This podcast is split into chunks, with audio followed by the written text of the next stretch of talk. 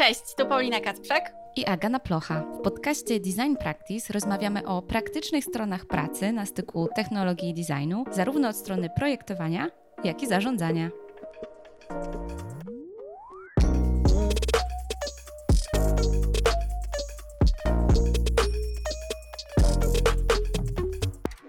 W tym odcinku porozmawiamy o tym, czym jest projektowanie treści, jak wygląda proces projektowy i jakich narzędzi używają UX writerzy, jak wejść w świat UX writingu i o tym, jak treści wpływają na doświadczenia klientów.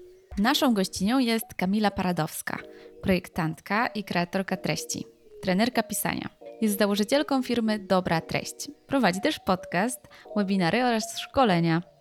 Do UX writingu przeszła ze świata teatru, w którym kiedyś pełniła rolę kierowniczki. Niektóre podcasty nagrywamy na żywo z naszą publicznością i ten odcinek jest właśnie jednym z nich. Na końcu pojawiają się pytania od naszych wspaniałych słuchaczy i słuchaczek. Jeśli Ty również chcesz współtworzyć podcast w ten sposób razem z nami, to zapisz się na nasz newsletter na stronie designpractice.pl i dołącz do kolejnego wydarzenia na żywo.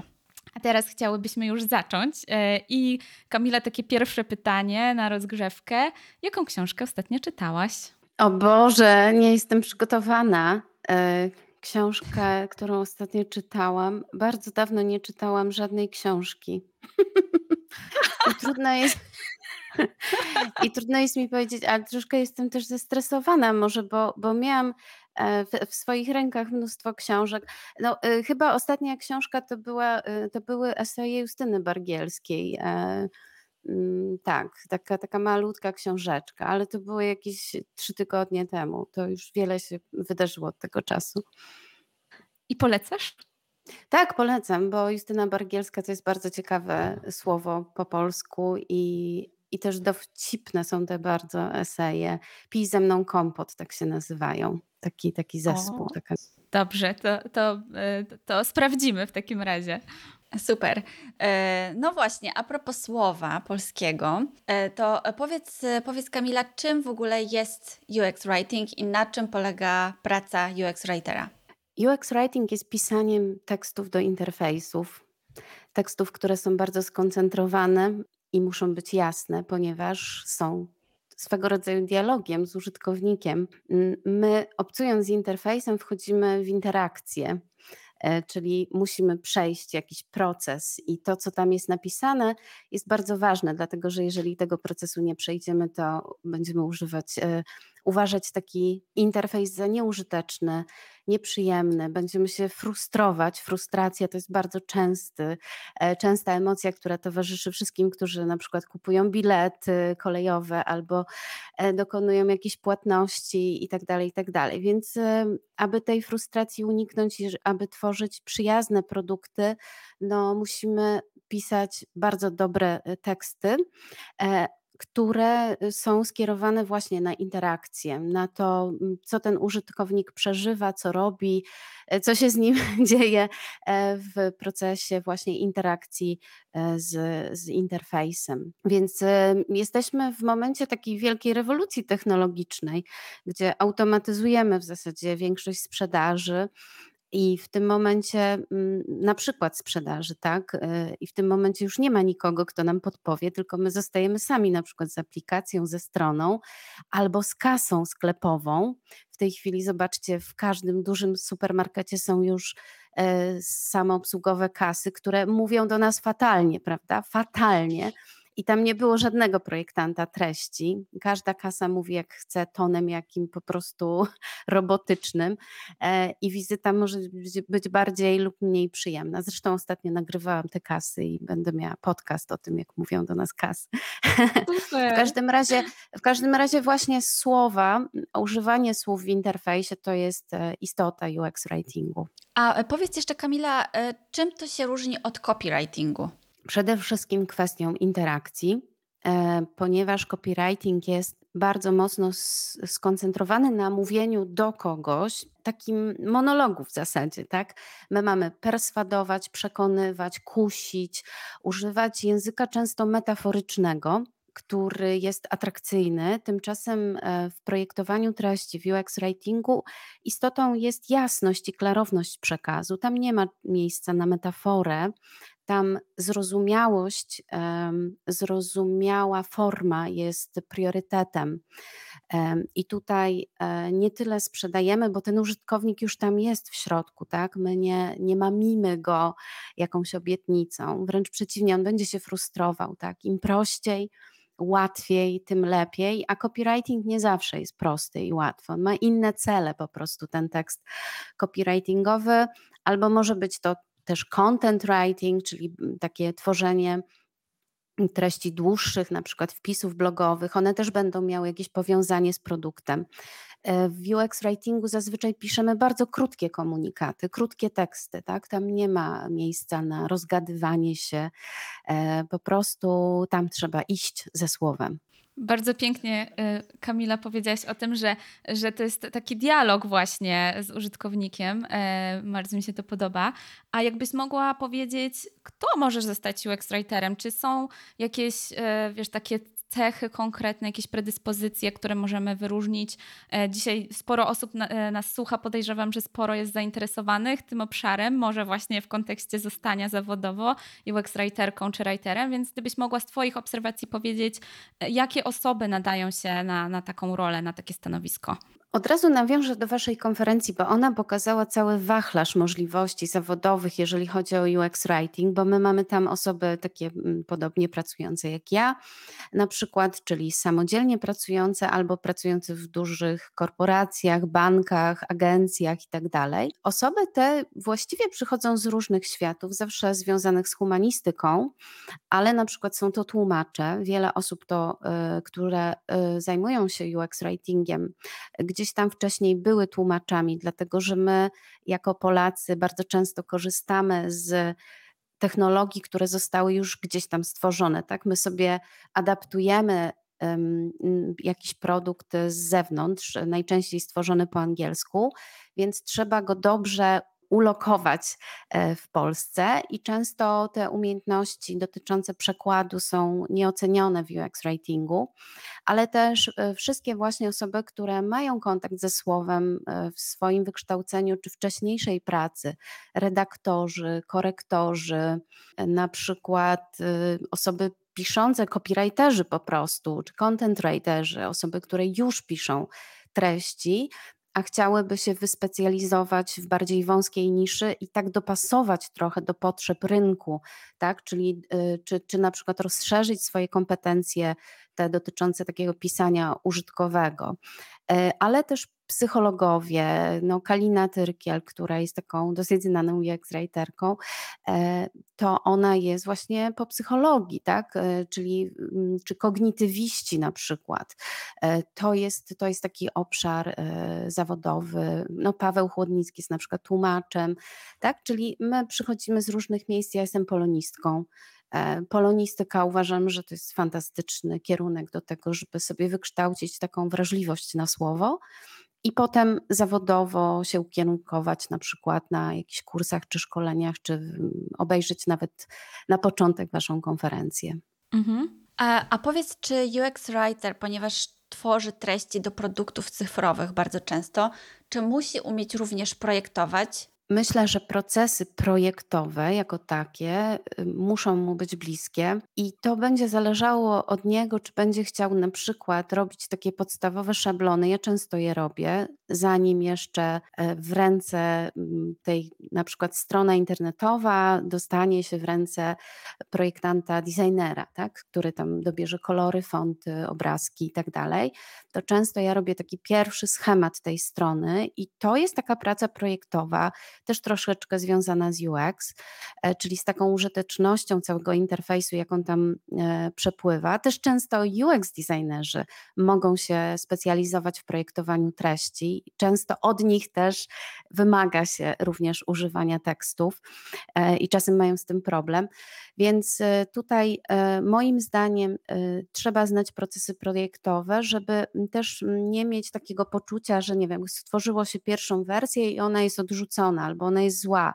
jeżeli pomyślimy sobie o całym procesie jako właśnie o projekcie, czyli najpierw robimy sobie jakieś badania, sprawdzamy, e, umieszczamy jakiś rodzaj właśnie schematu, e, próbujemy, tak? E, nasi współpracownicy też, czyli designer, czyli mm, programista, oni też działają trochę w takim systemie projektowym i myślę, że tutaj nie ma czegoś takiego, że ja tworzę tekst i to jest piorun strzelił, stanęłam na górze i napisałam jak wiersz i oddaję i po prostu nic z tym już dalej nie robię, tak? Tylko nie, ja po prostu mylę się, próbuję e, i jak najbardziej myślenie o tym wszystkim, co jest e, słowem, tym, który wyjdzie o pewnym projekcie, jest bardzo dobrym myśleniem.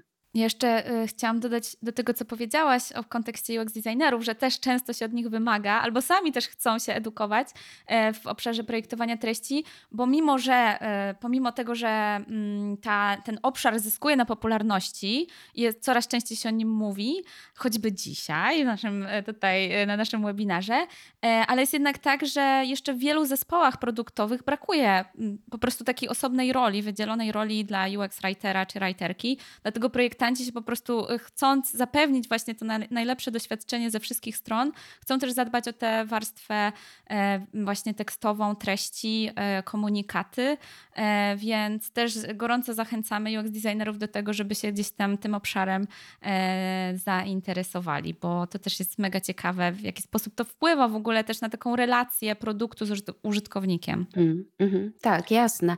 I czasami jest ten brak, to znaczy nie ma takiej świadomości w tej kadrze, kadrze menadżerskiej, że to jest osobna sztuka trochę, prawda? Mhm. Y, praca ze słowem i że trzeba jednak mieć trochę wrażliwości, doświadczenia. No, trzeba przejść i napisać trochę tych tekstów, żeby później łatwo było jednak y, to pisać i, i próbować i tak dalej. I czasem wymaga się właśnie od przypadkowych osób, które mają zupełnie inne kompetencje i inne talenty na przykład, no tylko napisania paru słów, no cóż to jest takiego, prawda? Tymczasem to jest naprawdę ciężka praca i taka wymagająca solidnego przemyślenia, pewnej strategii też, określenia strategii treści. No to są bardzo ważne rzeczy dla produktu. Tak samo jak strategia dotycząca wizualnej kwestii, tak y, strategia dotycząca słów ma niebagatelne znaczenie i czasem w ogóle stanowi o sukcesie produktu. A jeszcze zanim przejdziemy dalej, e, zanim się jeszcze bardziej zagłębimy, to pomyślałam, że może fajnie by było, e, Kamila, jakbyś powiedziała też trochę o swojej historii, jak w ogóle zaczęłaś się tym zajmować, no bo wspomniałaś, że jesteś polonistką i też byłaś wiele lat związana z teatrem. E, I, i to, to, jest ciekawa historia, a też pytam o to, bo dzisiaj rano właśnie otworzyłam Facebooka e, i zobaczyłam na grupie Give Her a Job e, post, taki bardzo poruszający post dziewczyny, która właśnie jest filolożką. Wiele lat pracowała w, w Anglii w Wielkiej Brytanii mieszkała. No i właśnie jakby zastanawia się, co, w jakim kierunku pójść. I pomyślałam, że kurczę, to mogłoby być też dla niej fajne, może to e, ten UX writing by ją zainteresował. Więc właśnie Twoja historia myślę, że też mogłaby być jakąś inspiracją, Kamila. Od razu powiem, że praca w teatrze, no to nie jest tylko praca na scenie. Więc ja y, raczej jako dziecko i studentka dużo grałam w teatrze po prostu takim ofowym i byłam aktorką w teatrze ofowym, ale potem pracowałam zawodowo w teatrze jako osoba, która zajmuje się wydawnictwami. E, I w zasadzie pisałam tam wszystko. Mm, również stworzyłam dwie wersje strony internetowej dla teatru. Zaczynałam na Joomla. E, także to, to, y, to też były produkty jakieś tam pierwsze cyfrowe i zarządzałam też treściami, które wychodzą. Tak? Stworzyłam bloga dla teatru, e, ale też wszystkie możliwe wydawnictwa typu ulotki, plakaty, programy teatralne, książki przechodziły przez moje ręce. I tak naprawdę ja y, przez kilkanaście lat pracowałam w świecie druku, też jako redaktorka czasopisma akademickiego, potem e, pracowałam dla agencji reklamowej. Także wszystkie możliwe, że tak powiem, użytkowe formy tekstowe stworzyłam w swoim życiu. Kondolencje, po prostu dyskusje z widzami niezadowolonymi, listy do mediów, no po prostu wszystkie, wszystkie gatunki pisarskie, jakie są, e, użytkowe oczywiście, to przeszły. No też napisałam dwie książki w ogóle. E, I to jest tak, że w pewnym momencie w tym e, życiu kulturalno-oświatowym no, traci się rozpęd w momencie, kiedy na przykład to wynagrodzenie jest takie trochę powiedzmy sobie, no, straszne, kiedy nagle nabierasz takiej świadomości, że jesteś specjalistą czy specjalistką w tej dziedzinie, że naprawdę to umiesz, że wchodzisz i po prostu zmieniasz e, i wymyślasz rzeczy nowe, a tam już jest e, pensja dla juniora cały czas, nie? e, więc, więc myślisz sobie, dobra, to biorę to wszystko, co umiem i idę w świat, idę zobaczyć, czego ludzie potrzebują w, takim, w takiej przestrzeni komercyjnej. I pierwszą myślą, pierwszym poszukiwaniem był content marketing w ogóle, czyli tworzenie treści, które wspierają działania sprzedażowe, marketingowe i czasami też się tym zajmuję, ale potem e, zaczęłam troszeczkę więcej czytać, zagłębiać, rozmawiać z ludźmi. Też poznałam właśnie Karinę Ślęzak z Google. Ona była gościem mojego podcastu i tak rozmawiałyśmy właśnie wtedy o tym.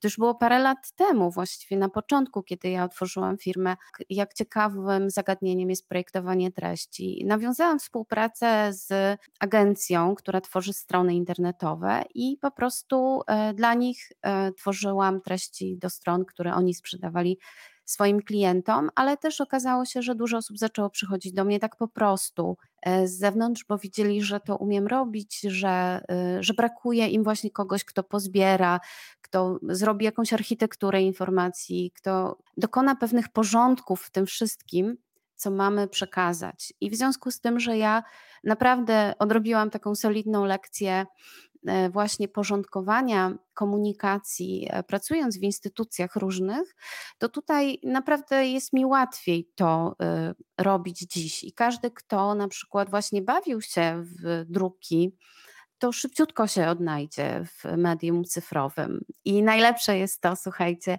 że można się pomylić, że to nie jest tak, że przygotowujemy jakiś tekst do druku, wrzucamy go i po prostu klamka zapadła. Już nigdy, już nigdy ta literówka, którą zrobiłaś w nazwisku swojego dyrektora, jak ja kiedyś, po prostu na plakacie w spektaklu napis, e, po prostu no, nigdy już nie zostanie poprawiona. Tymczasem tutaj no po prostu wszystko można, bo to jest medium żywe, cyfrowe.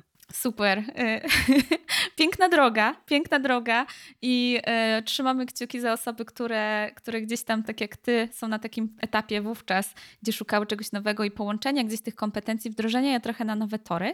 A teraz, e, Kamilo, chciałybyśmy cię zapytać, jak wygląda taki typowy dzień e, w pracy UX writerki, UX writera? Jakie to są zadania? Bo już wiemy mniej więcej tak z lotu ptaka, ja, jakby co jest celem, prawda, takiej osoby, nad jakimi różnymi obszarami ona musi pracować. No ale jak konkretnie wyglądają te zadania, wiesz, czym się zajmujesz, e, jakich narzędzi używasz, tak, żeby to jeszcze tak sobie bardziej urealnić. Jeżeli muszę coś napisać, to najpierw e, robię sobie badania na temat języka danego produktu, czyli dużo e, czytam wokół, czy proszę moich klientów, spotykam się z nimi, oni mi mówią o tym, czego potrzebują, wypełniają jakiś brief kreatywny prawda? Czyli jeżeli pracuję z zespołem, czyli większą ilością osób, na przykład designerem czy programistą, to też spotykam się z nimi i rozmawiamy sobie o tym, jak dany produkt y, ma wyglądać. Czasami to jest, to, to bardzo zależy od momentu, w którym jakby wchodzę w tę pracę, bo czasami to jest od początku i to jest proces taki brandingowy, gdzie tej firmy jeszcze nie ma, tak? Ale czasami to jest gdzieś w środku. Ostatnio właśnie tutaj Paulina, oficjalnie dziękuję, podesłała mi, e, poleciła mnie do pracy, współpracy z Wellbeing, gdzie oni robią nową stronę internetową i tam było prawie już wszystko zrobione, tylko brakowało im trochę tekstów, więc miałam taki projekt w Figmie, który już zawierał obrazy, zabierał cały układ, kolory i to wszystko, tylko brakowało no, części haseł, części tekstów, jakiegoś doprecyzowania. I w tym momencie spotykałam się tam już bezpośrednio z klientkami, mówiłyśmy sobie, co mam uzupełnić, zbudowałam nowy mm, schemat tych treści w Miro. To jest program, w którym najczęściej pracuję, bo tam jest e, najłatwiej, też nie, wiem, że nie rozwalę designu. I, I wtedy pokazałam dziewczynom rozwiązania ode mnie.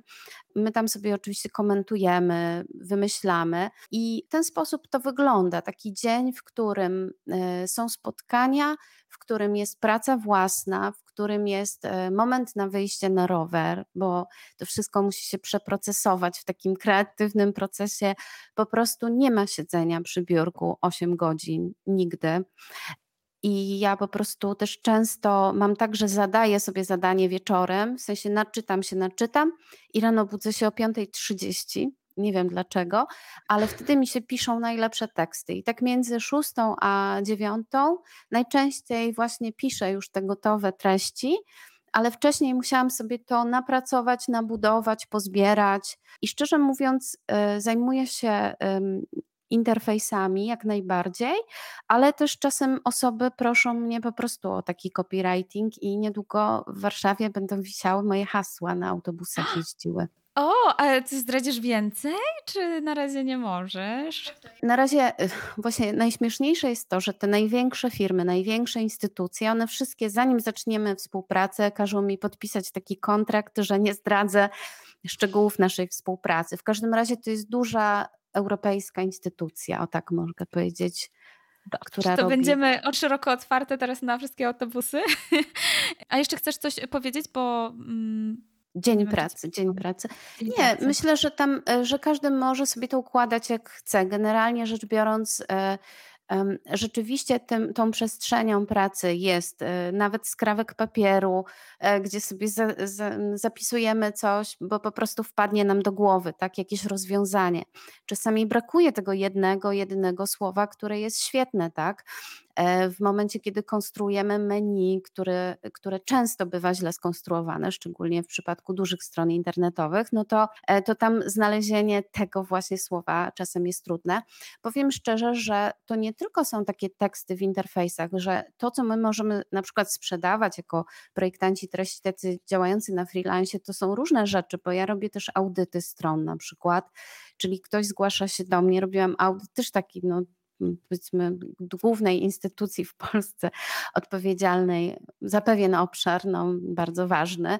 E, I przeglądałam tę stronę internetową i zrobiłam no, taki kilkudziesięciostronicowy raport z jakimiś wskazaniami, e, jak zmienić e, te, mm, mm, te treści, jak je ułożyć na nowo, jakimi dobrymi praktykami można się kierować. Czy też robiłam audyt dla firmy motoryzacyjnej też bardzo dużej, ale tutaj też nie mogę powiedzieć, bo to było przez agencję też, która obsługuje tę firmę ale tam też trzeba było zrobić audyt, ponieważ oni chcieli bardziej wyeksponować jedną z usług i na przykład dostałam e, całe takie wytyczne odnośnie designu. Tam oni mieli świetne komponenty na przykład określone przez designerów do tej strony, a ich nie używali. I te komponenty na przykład ja wskazałam, które z nich warto by było użyć, bo one lepiej jakby mieszczą też tą treść, na której e, im zależy. Także E, tych prac może być bardzo wiele. Są ludzie, którzy piszą teksty dla chatbotów. Ja jeszcze nie miałam szansy, ale bardzo bym chciała. E, ale pisałam też na przykład skrypty sprzedażowe dla, dla takiej agencji ubezpieczeniowej działającej przy jednym z banków. E, I tam też to jest taki dialog, który musi być wypowiedziany pomiędzy użytkownikiem czy, czy kupującym, a tym sprzedawcą. Więc tutaj już troszeczkę odchodzimy nawet od interfejsu, bo prawda jest taka, że w momencie, kiedy ogłosimy się w Polsce osobą taką piszącą w świecie cyfrowym, to te zlecenia mogą przyjść bardzo różne. I też trzeba być otwartym na to, żeby no, nie być tak wąsko, że ja tylko prawda, piszę komunikaty e, po prostu e, prostym językiem na przykład, ale ja muszę stworzyć język dla produktu, muszę trochę tam jakiś haseł też stworzyć, y, też nazwami się można zająć. Ja z przyjemnością też kreuję nazwy. W procesie brandingowym to jest w ogóle fajne, jak ktoś mi daje do stworzenia nazwę, stronę internetową, czy nawet właśnie jakąś mikroaplikację, mikrointerakcję, na przykład w postaci newslettera, landingu i tak dalej, bo wtedy możemy naprawdę fajnie zrealizować właśnie ten, e, ten pomysł. A teraz e, zaraz będę miała spotkanie a propos księgi stylu, bo taka instytucja też się do mnie zgłosiła, żeby wymyślić im właśnie taki, taką strategię komunikacji, która przepływa w różnych obszarach przez tę, przez tę instytucję. Także to, to, są różne zadania i to jest takie wielobarwne absolutnie, że tutaj naprawdę, jeżeli ktoś chciałby pójść tak moją drogą i, i zrobić sobie taki, taką firmę, no to totalnie jakby polecam. Jeżeli jesteście tacy właśnie kreatywni, i chcecie i nie boicie się, ale też można przyjść właśnie e, pracować zawodowo w agencji tam pewnie też są bardzo różne zadania, albo pracować w, wokół jednego na przykład produktu mm, i już tak się bawić bardziej detalicznie słowem, nie? Bo to też bardzo wielu osobom sprawia przyjemność jakąś frajdę taką zawodową. E, wokół jednego, przy pracy wokół jednego produktu pewnie to są już takie bardzo duże firmy, prawda? Korporacje. Tak, i duże produkty też, nie? No bo tak jak Kalina Tyrkiel pracuje przy produkcie chyba znany lekarz, e, no to, to jest mm, taka właśnie taka sytuacja, że przychodzi nam z zagranicy jakiś e, bardzo dobry system rezerwacji i tak dalej, i tak dalej i my musimy go ulokować w Polsce, musimy znaleźć ekwiwalent językowy dla tych różnych e, właśnie mm, rzeczy. Tam są aplikacje, są strony i w ogóle bardzo wiele innych E, rzeczy, więc, e, więc tutaj można w ten sposób też oczywiście działać. I na kilka mhm. rynków bywają tworzone te rzeczy. Także. E, opowiadałaś o bardzo różnych Twoich projektach i wspomniałaś, że to jest takie wielobarwne działanie. W ogóle bardzo, bardzo pięknie to określiłaś. Pytanie, na jakim etapie najlepiej angażować UX writerów albo jak UX writerzy powinni się sprzedawać, właśnie, żeby, żeby, mm, żeby klienci wiedzieli, na którym etapie po prostu warto ich angażować? Mnie się wydaje, że jesteśmy w ogóle gdzieś tam na początku informowania o tego typu w ogóle profesji, nie? Że, że mamy do czynienia cały czas z procesem ewangelizacji o UX writingu i te osoby, które powinny być szczególnie odbiorcami tej ewangelizacji, to moim zdaniem są osoby, które już tworzą produkty cyfrowe, czyli na przykład programiści, agencje kreatywne, agencje digitalowe, e, które na przykład sprzedają produkty cyfrowe, bo może się okazać, że w całym procesie, który jest drogi tak naprawdę, bo zatrudnienie programisty nie jest tanią rzeczą. My możemy cały ten proces jakby e, ściągnąć e, do e, naprawdę ukrócić sobie czas pracy, bo ja naprawdę w procesie na przykład tworzenia strony internetowej no, zmniejszałam czas pracy zarówno designerki, jak i programisty, ponieważ wszystko zostało ustalone na, na wiesz, na paper prototyping, prototyping wystarczył po prostu, żeby, żeby klientka czy klient zaakceptowali już pewien kształt, prawda, produktu takiego cyfrowego i później to, co musieli wykonać moi koledzy i koleżanki, to, to już było Naprawdę, bo już nikt nie mieszał w designie, już nikt nie mieszał, y, nie daj Bóg, po prostu w czymś, co jest wyprodukowane, wiesz, gdzie gdzie naprawdę tam się siedzi i te rzeczy klei. Ja mogę słowo jedno zmienić, wykreślić gumką, wymazać, po prostu przemienić, ale już mój kolega programista no musi się troszkę namęczyć, jak tu ktoś mu wywali cały kontener, prawda, ze strony, albo mówi, nie, nie, nie, to ja bym chciała to podzielić na dwie części, albo coś tam, nie?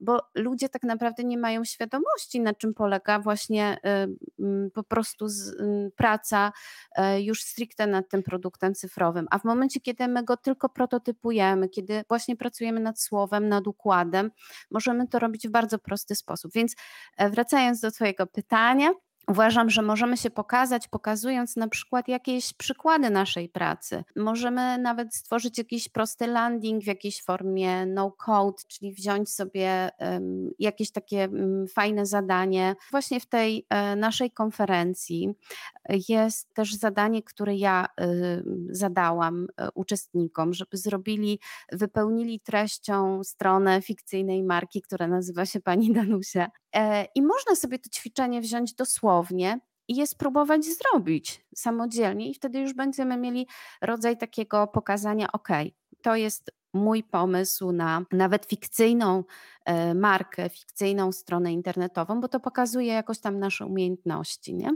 Ja na przykład ciągle czekam e, i mam nadzieję, że będą się pojawiały też blogi UX writerów, projektantów treści, którzy na przykład będą recenzowali produkty cyfrowe, bo tego mi strasznie brakuje, że ja na przykład mogę sobie przeczytać taki, taki tekst o tym, który bank ma najlepszą aplikację. Ja bym chciała. E, ja kiedyś miałam taką ambicję, ale oczywiście ja sama tego wszystkiego nie zrobię, nie? E, ale tak sobie myślę, że ktoś, kto by mm, pokazał taką umiejętność e, właśnie recenzowania, czyli oceny, to ta osoba na pewno też by zyskała w oczach przyszłego pracodawcy. Jeżeli umiesz coś przeczytać, to umiesz też napisać, nie? Taka jest prawda. Tak, y, tak. Przeczytać i zinterpretować, o tak. Tak, ja tylko dodam, że to zadanie, które właśnie e, Kamila dałaś, e, właśnie jest też w nagraniach z naszej konferencji, e, jest świetne i w ogóle świetne prace spłynęły naszych uczestniczek i uczestników. Też jest nagranie, nagranie takie omówienia tych prac domowych, gdzie opowiadasz, co jest fajne, co można było sprawdzić. I tak, i twoja mama się wypowiada, która jest właśnie ową pan, panią Danusią, więc polecamy właśnie wam zajrzeć do, do tych nagrań, bo są super. Ale jeszcze Kamila wrócę wrócę e, e, do jednej sprawy. Na którym etapie rozwijania produktu czy pracy nad e, projektem warto właśnie angażować UX writerów? Czy to na samym początku, czy coś już musi być zrobione, żeby to miało sens? Jak, jak to z Twojej perspektywy wygląda? Już możemy to określić, jeśli chodzi o takie produkty typu strona internetowa czy aplikacja. Uważam, że na, od samego początku to jest bardzo dobry moment, dlatego że wtedy mamy kontrolę nad wszystkim i to jest chyba najłatwiej, najlepiej. I moim zdaniem mm, to jest dla, dla brandingu, dla produktu, dla relacji z klientem, e, dla pewnego spokoju mm, procesu projektowego. To jest najlepszy moment, tak? Czyli od początku mamy projektanta treści, on jest w naszym zespole, uczestniczy w briefingu, właśnie w, w przepytywaniu e, klientów, bo czasami e, to się wszystko będzie rozbijało właśnie o słowa, o to, co tam jest napisane, a niekoniecznie o design czy o wybór systemów programowania. I co ważne, na przykład tego klienci nie wiedzą, ale oni zostają z tymi stronami internetowymi potem i co oni w tych stronach robią? Przecież oni nie zmieniają designu, oni nie programują tych stron, oni będą tam wprowadzali treści. I na przykład taki projektant treści Mm, może im zagwarantować to, że będą mieli fajny CMS na przykład, e, że ktoś nie zostawi ich, e, czyli Content Management System, czyli system do zarządzania treścią. I ja zawsze negocjuję e, z programistami, ok, a pokaż mi, czy ta osoba się będzie męczyła w jakimś elementorze, czy dostanie po prostu w Gutenbergu, w WordPressie po prostu łatwą formułę na przykład uzupełniania tych treści, bo to jest bardzo różnie. Ludzie tak budują te strony internetowe, że one super wyglądają na zewnątrz, a tam pod spodem po prostu jest męka na przykład na jakimś formularzu. I e, prawda jest taka, że właśnie osoba, która ma taką wrażliwość, bo siedziała na przykład i robiła te strony internetowe, później z nimi zostawała jako redaktorka tych stron, no to na pewno zadba o taki mm, komfort tego użytkownika, który musi te treści od środka, prawda, tam później e, e, się nimi zajmować.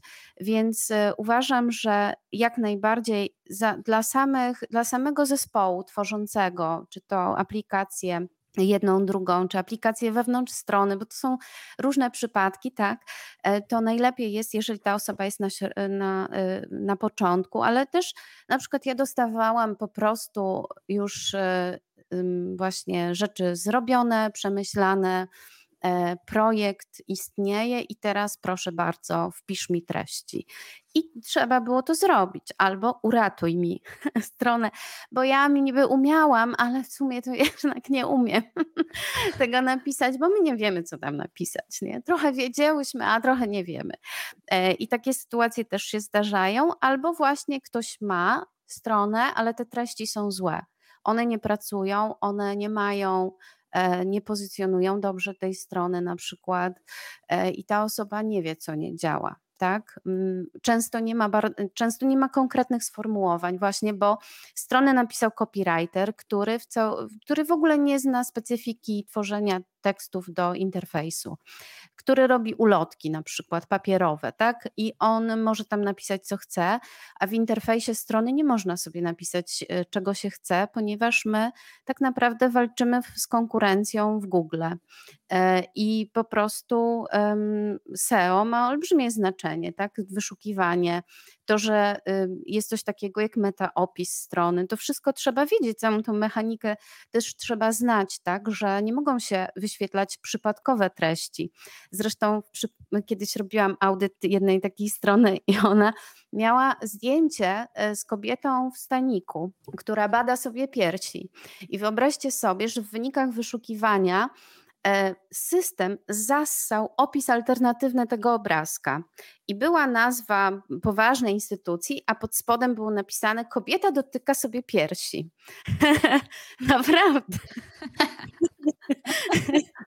I nikt tego nie sprawdził, tak? Nikt tego nie wiedział, że tam się przypadkiem to po prostu e, mm, załączyło, tak? I dopiero ja robiąc, mając tą świadomość, że trzeba sprawdzić nie tylko teksty na stronie, ale właśnie też w wynikach wyszukiwania, powiedziałam im, hello, co wy tu macie w ogóle? Coś tak. Wszystkie dziewczyny się zaczęły śmiać i mówię, ja cię, normalnie się wczytał opis y, z alternatywny obrazka, który się pierwszy wyświetla, wyświetla na temat jakichś tam badań po prostu, nie? No, więc, e, więc tego typu rzeczy y, są ważne.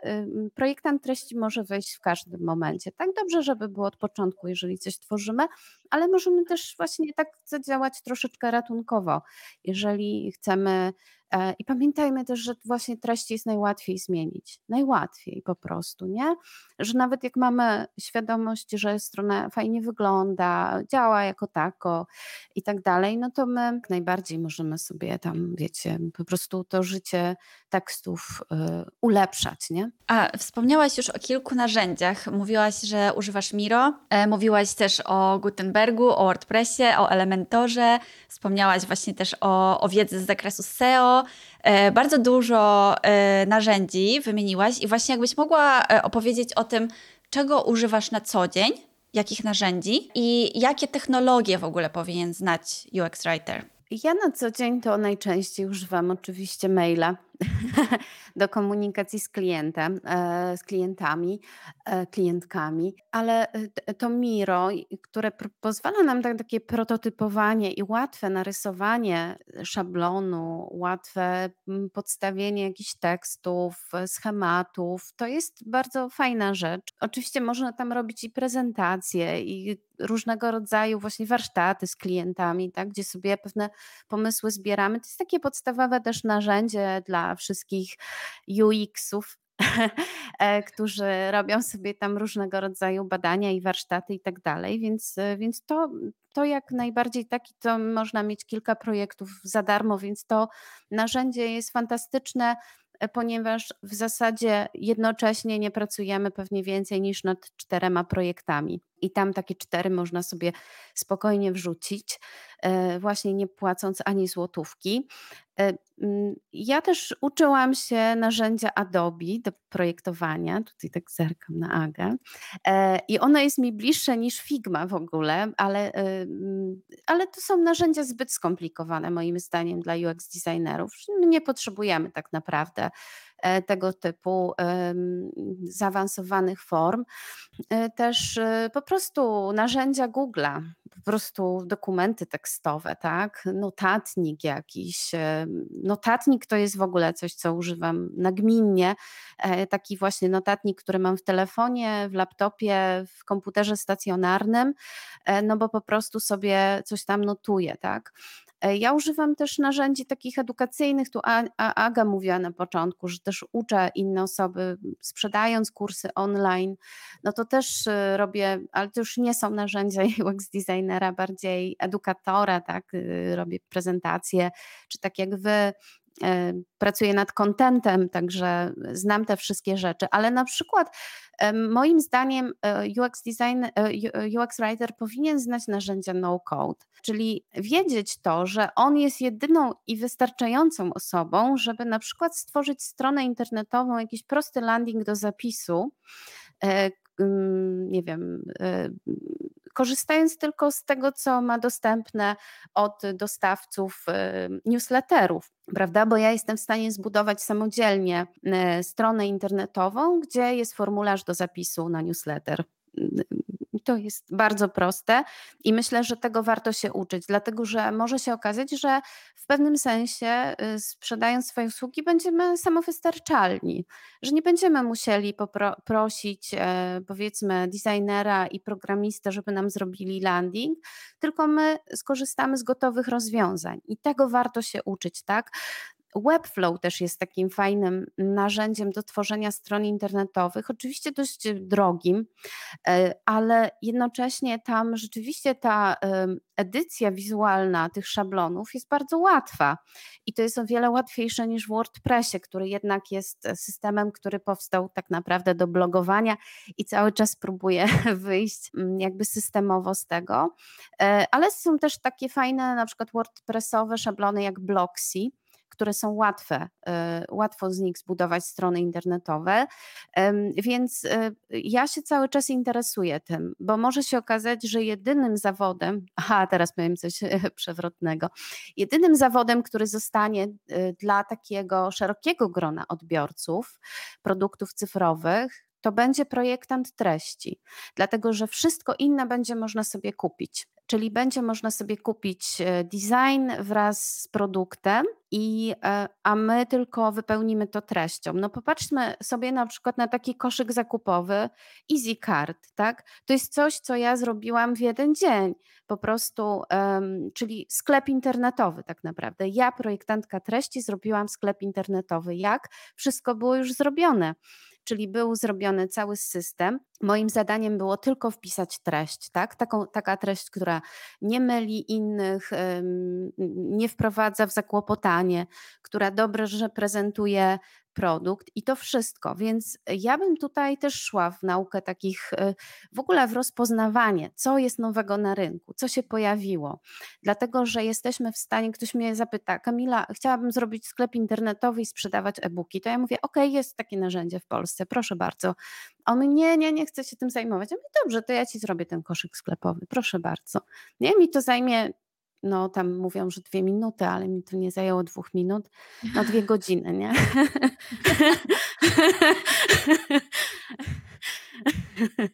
No, ale dwie godziny to nie jest po prostu, wiecie, cały dzień programowania, nie? Tylko to jest po prostu e, wrzucenie, przetestowanie i, i tyle, nie? To mamy nadzieję, że, że mm, takie, taki entuzjazm tchnęłaś, e, że, że można robić różne też rzeczy, będąc e, UX writerką. A powiedz, Kamila, jak powinno wyglądać portfolio osób, które zajmują się projektowaniem treści?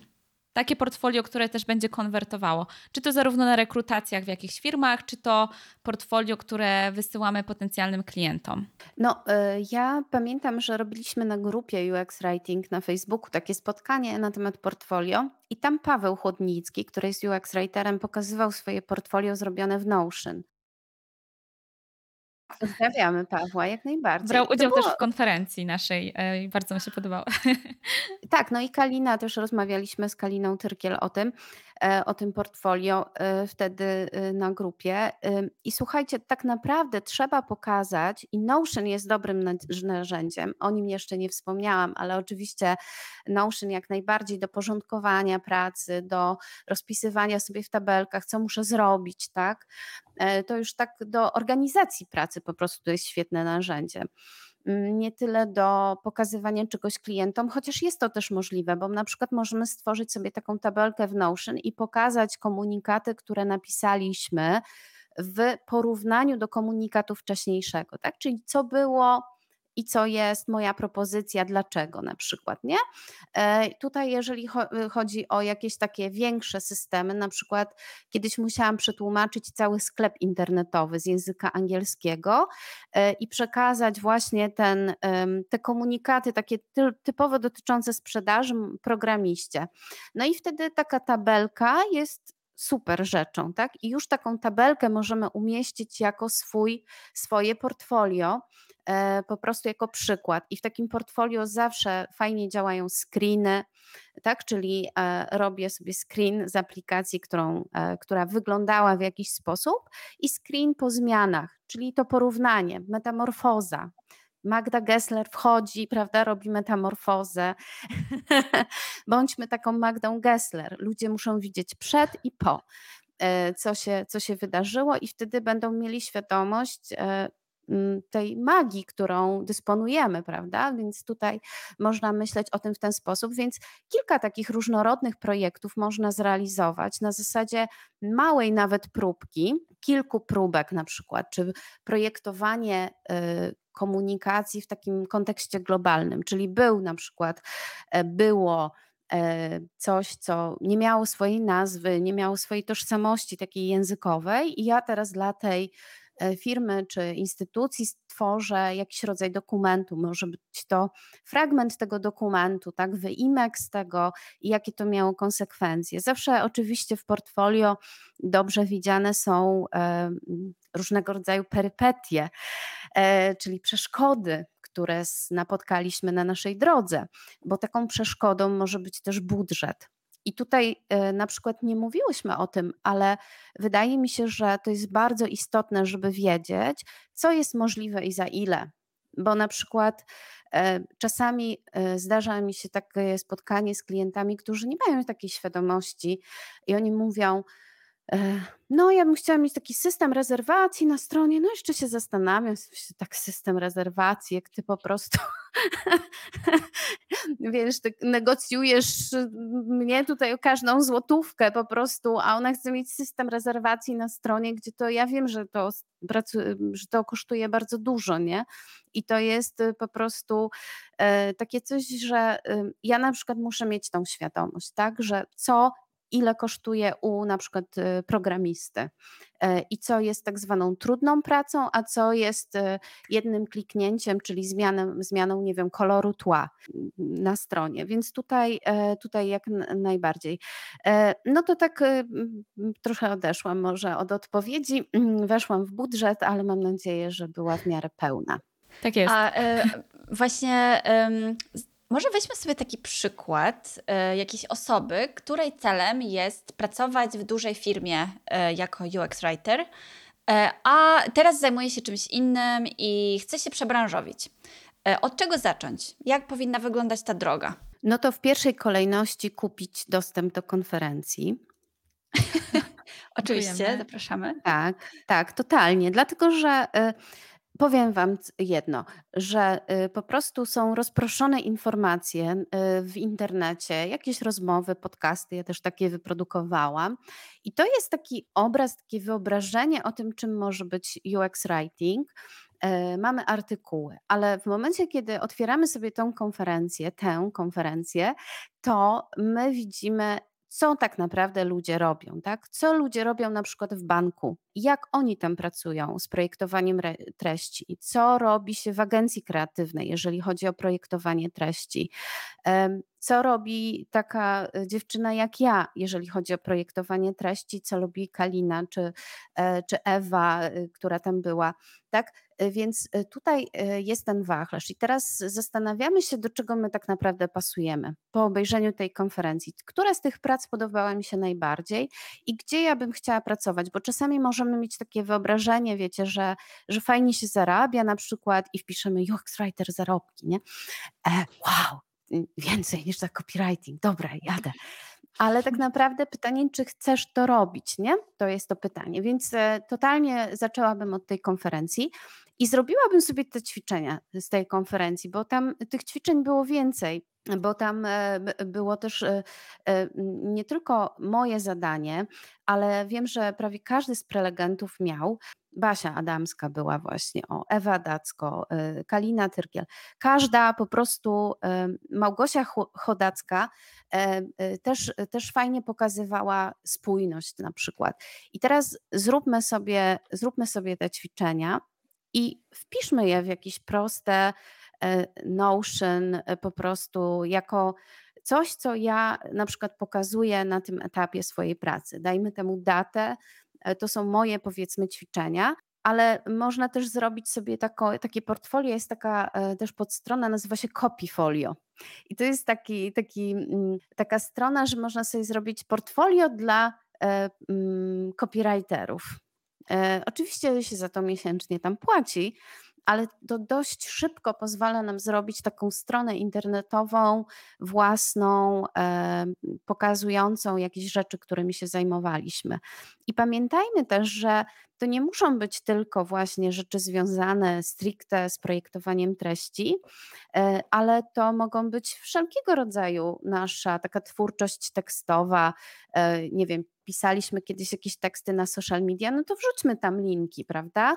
E, dlatego że mówię, e, naprawdę e, osoby, które są przyjmowane do pracy, one też są weryfikowane pod kątem takich ogólnych zdolności, po prostu dotyczących pisania, tak?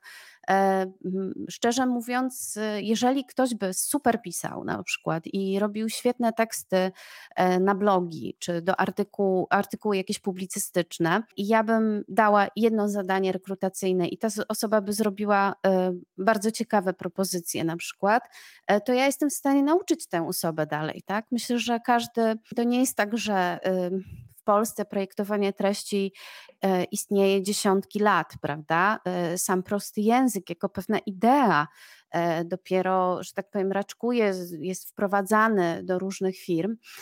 No i tutaj mm, my się tego tak naprawdę wszyscy uczymy. Nie ma szeroko zakrojonych badań nad użytkownikami produktów cyfrowych w Polsce.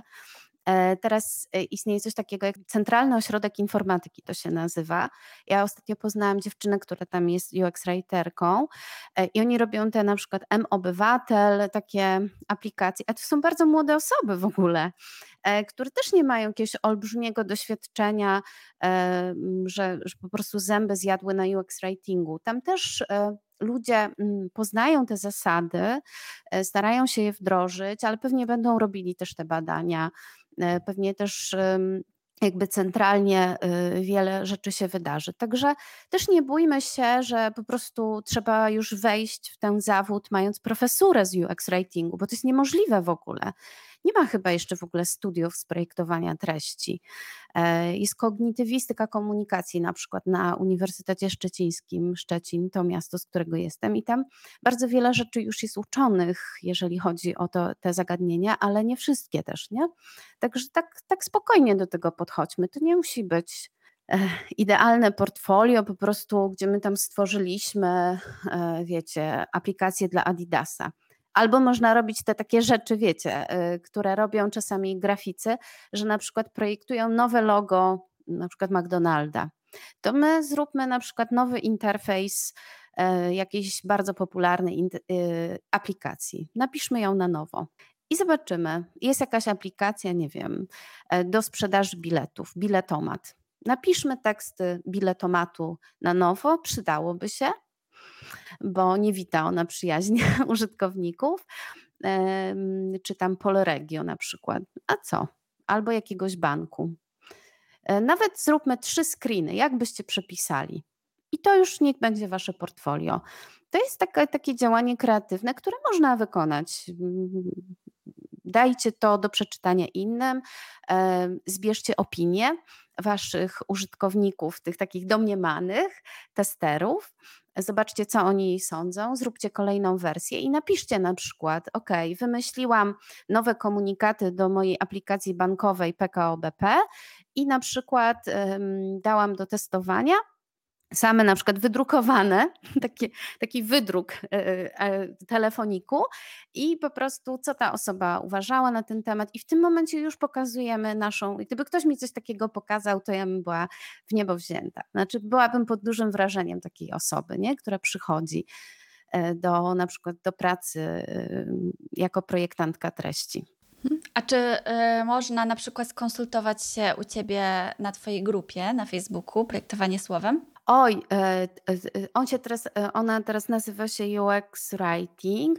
Jak najbardziej tak, bo tam ludzie bardzo często wrzucają na przykład swoje różnego rodzaju prace, w których uczestniczą i pytają się użytkowników, znaczy osoby, osoby, osób, które są w grupie, co one sądzą na ten temat. I tam szczerze się ludzie wypowiadają, e, czy im te słowa się podobają, czy się nie podobają, e, chwalą, e, ganią, ale w ramach bardzo takiego, myślę, merytorycznego tonu który cały czas tam jednak dominuje, więc, więc jak najbardziej zapraszam na tę, tę grupę.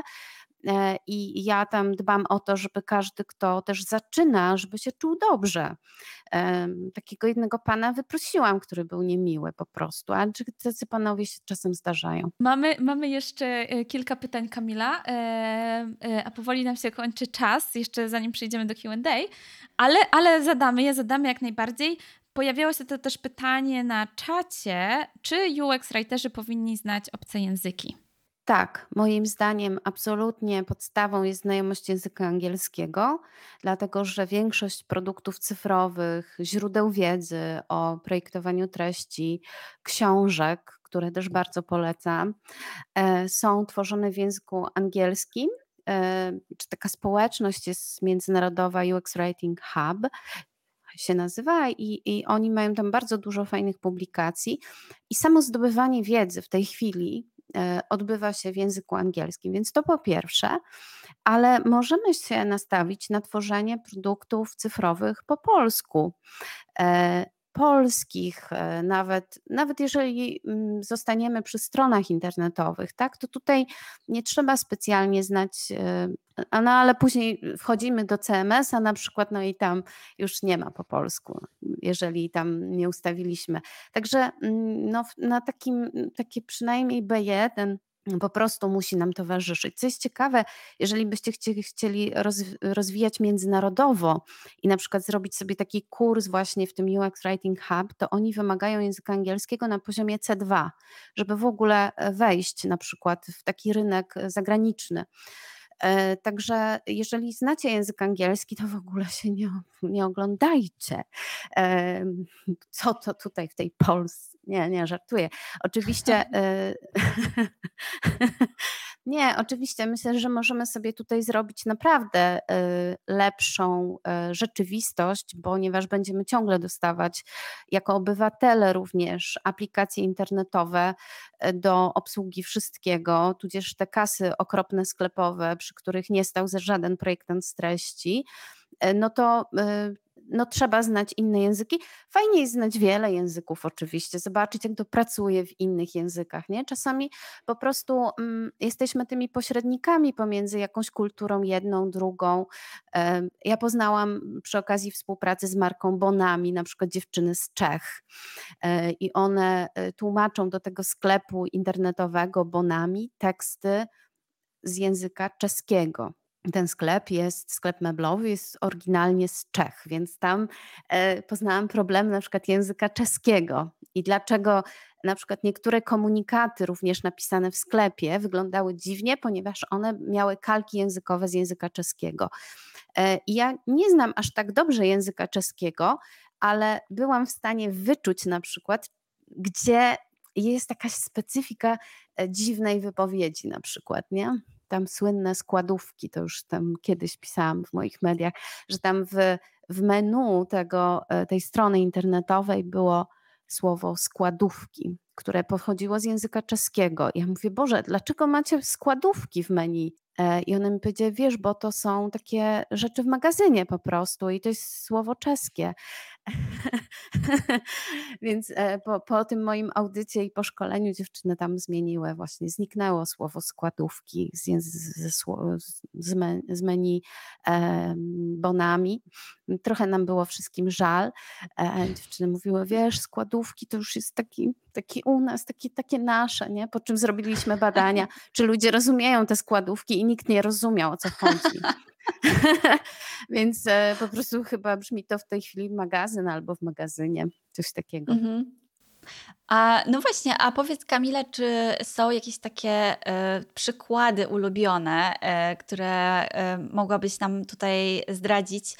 jakie produkty szczycą się dobrym UX writingiem, zarówno polskie, jak i zagraniczne, które ty szczególnie cenisz?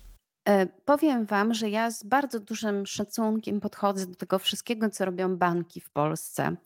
E, tutaj e, zarówno ten bank ING, to będziecie mogli podejrzeć to właśnie na konferencji, bo tam jest Karolina i mm, Marcin, którzy opowiadają o tym, co się dzieje w tym banku i jak oni badają ten język, jak go sprawdzają i tak dalej. I wydaje mi się, że większość banków w Polsce już w tej chwili naprawdę przyjmuje bardzo wysokie standardy komunikacji, e, zarówno w aplikacjach. Naprawdę to jest dopilnowane, tak? I bardzo za to szanuję banki, ponieważ wiem, że to są instytucje, na które nakłada się bardzo wiele takich um, powinności, jeżeli chodzi o język. Tak samo jak agencje ubezpieczeniowe, tak one muszą informować o prawach przysługujących konsumentom. I te prawa są napisane bardzo skomplikowanym językiem. I teraz upraszczanie tego języka, który jest taki bardzo skostniały jednak w tym prawie i trudny, e, to jest naprawdę wielkie zadanie. Także y, warto zobaczyć, jak to robią banki. E, bank ING chyba najbardziej, bo on był taki pierwszy, e, który o to zadbał w Polsce, ale też, też inne banki. No, mówi się o y, naszym tutaj dostawcu, dostawcy, jeżeli chodzi o kuriera czyli impoście. E, aczkolwiek impost nie wszędzie ma te komunikaty dobrze napisane. Już teraz śledzimy, już teraz jest e, nacenzurowanym, ale z drugiej strony rzeczywiście sukces tego produktu, no E, też jest sukcesem języka tego produktu po prostu, tak? Czy są malutkie takie produkty, które mają język specyficzny, na przykład te sklepy typu Pan tu nie stał albo Ministerstwo Dobrego Mydła, tak? To są takie marki, które właśnie w takim mm, content designie są fantastyczne, dlatego że one się nie bały zastosować specyficznego języka, czy języka, tak jak pan tu nie stał, nawiązującego po prostu do, do takiego PRL-owskiego stylu, E, tak, z przeszłości, e, czy, czy takiego bardziej e, wyrafinowanego w przypadku Ministerstwa Dobrego Mydła. Ale na przykład ja zawsze mówię, że najważniejsze jest niewidoczne dla oczu. I ja na przykład z dużym szacunkiem też podchodzę do tego, co robi mój dostawca usług internetowych, czyli Zenbox. To jest hostingodawca i tam już w nazwie jest przyjemnie, ponieważ tam nie ma supportu technicznego, tylko w związku z tym, że to jest Zenbox, to tam są mnisi. I, e, I jak ja coś zgłaszam, na przykład tam mi się tam rekordy DNS, nie widzę ich, prawda? To oni mi piszą, nasi mnisi już się tym zajmują. E, I to, i ten jeden komunikat robi mi tak dobrze, wiecie, bo to jest właśnie ta relacja emocjonalna. Ja się tu wkurzam, że czegoś nie mogę załapać, e, a oni piszą mi, nasi mnisi już się tym zajmują i e, ten e, kontakt e, z mm, panem Tomaszem najczęściej, pozdrawiam, jeśli tam gdzieś jest, w każdym razie mnich Tomasz do mnie odpisuje, ale on odpisuje z, ta, z, taką serdecznością też, tak? Czyli ta obsługa klienta, oni się tam szczycą, legendarna obsługa klienta. I tak natychmiast otrzymujesz wiadomość w panelu klienta, wyjaśniają ci wszystko, pomagają, możemy pomóc to wdrożyć, jeżeli pani nam wyśle tutaj zgodę i coś tam, coś tam, tak? Czyli e, też w tej przestrzeni obsługi klienta na przykład. E, E, kiedy ja nie rozumiem, kiedy mam do czynienia z produktem typowo technicznym, tak, to, to tutaj zadbanie o ten język to jest wielka sztuka. Nie tylko tak, wiecie, na froncie, że o, fajny mail tam przyszedł, poszło, paczucha już na ciebie czeka, nie? Tylko, tylko właśnie mnich, który pisze do mnie jeden do jeden, nie? To ja wtedy myślę sobie, okej, okay, no to tam jest, tam jest dobrze. No i e, zobaczcie, to jest też takie połączenie copywritingu i UX writingu, czyli my tak naprawdę tworzymy trochę taką metaforę tej marki poprzez nazwy, e, poprzez specyfikę e, i dajemy jakiś też taki, takie mrugnięcie okiem, a potem już na przykład w interfejsie strony jest czytelnie, jest łatwo, no, najgorzej to przypilnować po prostu, żeby wszędzie było, tak? Jak są takie, no mówię, ten impost to są skomplikowane produkty, tam jest strasznie dużo, nie? Czyli teraz jeszcze aplikacja, coś tam, coś tam. Żeby zachować jakość, no to trzeba naprawdę pracować nad spójnością. To właśnie Małgosia Chodacka o tym mówi w naszej konferencji, jak, jak to jest, y, żeby słowa wszędzie były takie same, tak? W każdym miejscu, e, jak pracować na przykład z zespołem, żeby to przypilnować. To są wielkie rzeczy, które ludzie robią. Ja, ja z, dużą, z dużym podziwem e, patrzę na tych, którzy pracują właśnie nad takimi dużymi produktami. Myślę, że wy, wy, wymieniłam wystarczająco dużo, ale jeżeli chodzi o międzynarodowe, no to trudno mi powiedzieć, bo e, tak patrzę na, na moje tutaj aplikacje. No na pewno nie LinkedIn, to możecie sobie jako takie, ja, ja sobie screeny robię, takie e, ciekawostki po prostu, jeżeli chodzi o, o LinkedIna. Ja być może też nie jestem taką miłośniczką e, w ogóle aplikacji, e, raczej je testowo gdzieś tam oglądam. No wszelkie aplikacje Apple'a są fajne, ale też po polsku one są napisane tak topornie, tak samo jak strony internetowe, ale do, no, no Google, Google, Google. Google jest robiony dobrze po prostu. Nie? Mhm. Tylko niech nie zmienia mi e, odmian y, z żeńskich na męskie, to tak. to się przeprosimy i będziemy tak. się kochać miłością dozgonną. No właśnie, język inkluzywny, neutralny płciowo to jest kolejny aspekt, którego już dzisiaj nie zdążymy poruszyć, ale też jest w naszej konferencji, jakby co, e, ugryziony od, od ciekawej strony. Kamilo, to słuchaj, ostatnie pytanie w tej części, bardzo ważne pytanie, w tej rundzie, e, tak. Słuchaj, na rozwoju jakich umiejętności chciałabyś się skupić e, w nadchodzących miesiącach? Obecnie uczę się Webflow, czyli właśnie no code, bo, bo robię swoją nową stronę e, właśnie kursową. E, to jest dla mnie taki takie duże wyzwanie i priorytet. E, I wszelkie zabawy no code są teraz dla mnie no, takim pomysłem na przyszłość. Ja oczywiście cały czas się uczę filmowania, bo ono mnie bardzo cieszy, ale jeżeli chodzi o język, to y, oczywiście język angielski E, po to, żeby umieć go lepiej. No i e, jeżeli chodzi, powiem Wam, jeżeli chodzi o język polski, jego możliwości, to to jest już tylko zabawa. Ja nie oglądam na przykład e, filmików, nie wiem, Bralczyka o języku polskim. Ja to wszystko miałam na studiach, nie? Gdyby ktoś mi właśnie dał do ręki takie fajne badania zrobione nad językiem internetu, to ja bym chętnie to poczytała, nie? Ja bym, ja bym chciała tego. A takie. Mm, to, co jest w internecie na temat języka polskiego, jakieś tam takie smaczki, ciekawostki, no to wszystko jest, słuchajcie, w słowniku języka polskiego zapisane i to jest już tylko takim po prostu kontentem na temat języka. To tak no jeżeli chodzi o język polski, to ja już tylko z niego korzystam, tak? Już tylko e, nim żyję, już tylko go sprawdzam, już tylko go słucham, e, jak on bardzo się zmienia, bo to jest w ogóle cały, cały czas nauka, prawda? E, jakie słowa się pojawiają, jakie słowa stają się um, popularne, jakimi słowami my się pod, po, posługujemy, bo to jest taki, po prostu trzeba być takim ciągle uważnym użytkownikiem słów, nie? Że na przykład w pewnym momencie po prostu słowo wyzwanie jest wszędzie, prawda? I ono jest takie bardzo pozytywnie odbierane. I trzeba mieć tę świadomość, nie? E, moja córeczka dzisiaj mówi, wiesz, teraz wbijam na lekcję, nie? No, no i, e, e, no i język YouTube'a to jest język, który bardzo przenika na przykład do języka młodych ludzi. I tego, te, ta wrażliwość na, na słowa bardzo się zmienia słowa też ewoluują w swojej.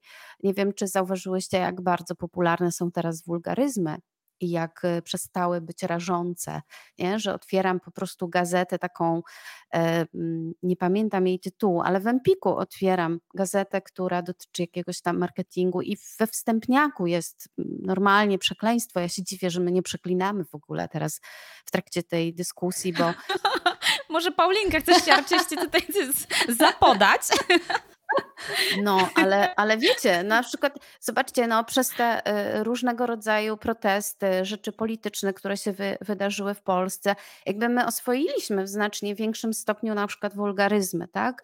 I widzę, że osoby publiczne, na przykład oglądamy taki program Kuba Wojewódzki na playerze i tam normalnie on przeklina w tym, tym y, programie, a przecież on jest dziennikarzem, który pracuje od lat 90.